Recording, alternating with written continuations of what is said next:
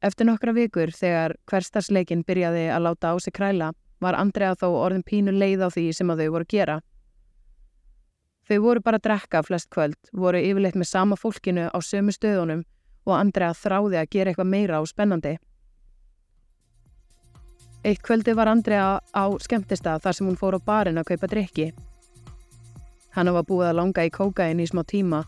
Hún nefndi ekki að verða alltaf svona drukkin.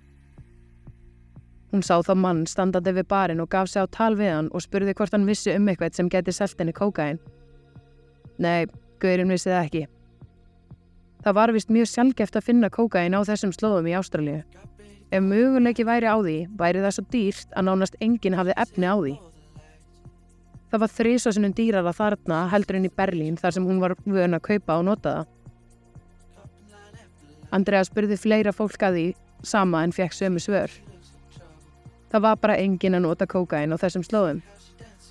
Andreu fannst það freka fúlt en það var kókain hennar fyrsta val þegar kom að því að nota önnur fíklefni með áfenginu.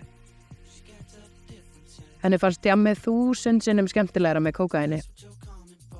Þá fekk Andrea hugmynd. En ef ég síni þessu fólki hérna hvað einn kona getur gert í þessu og síni þeim hvernig maður djammar almennilega, ég mun búa til parti sem enginn mun gleima. That's what you're coming for, but they don't wanna let you in and you drop your back to the floor and you're asking what's happening.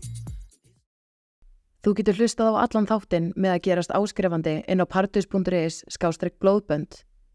Fyrir aðeins 990 krónur getur hlustað á fjóra auka þætti í mánuði ásamt því að fá að hlusta á opna þætti deginum á undan öðrum. Góða stundir!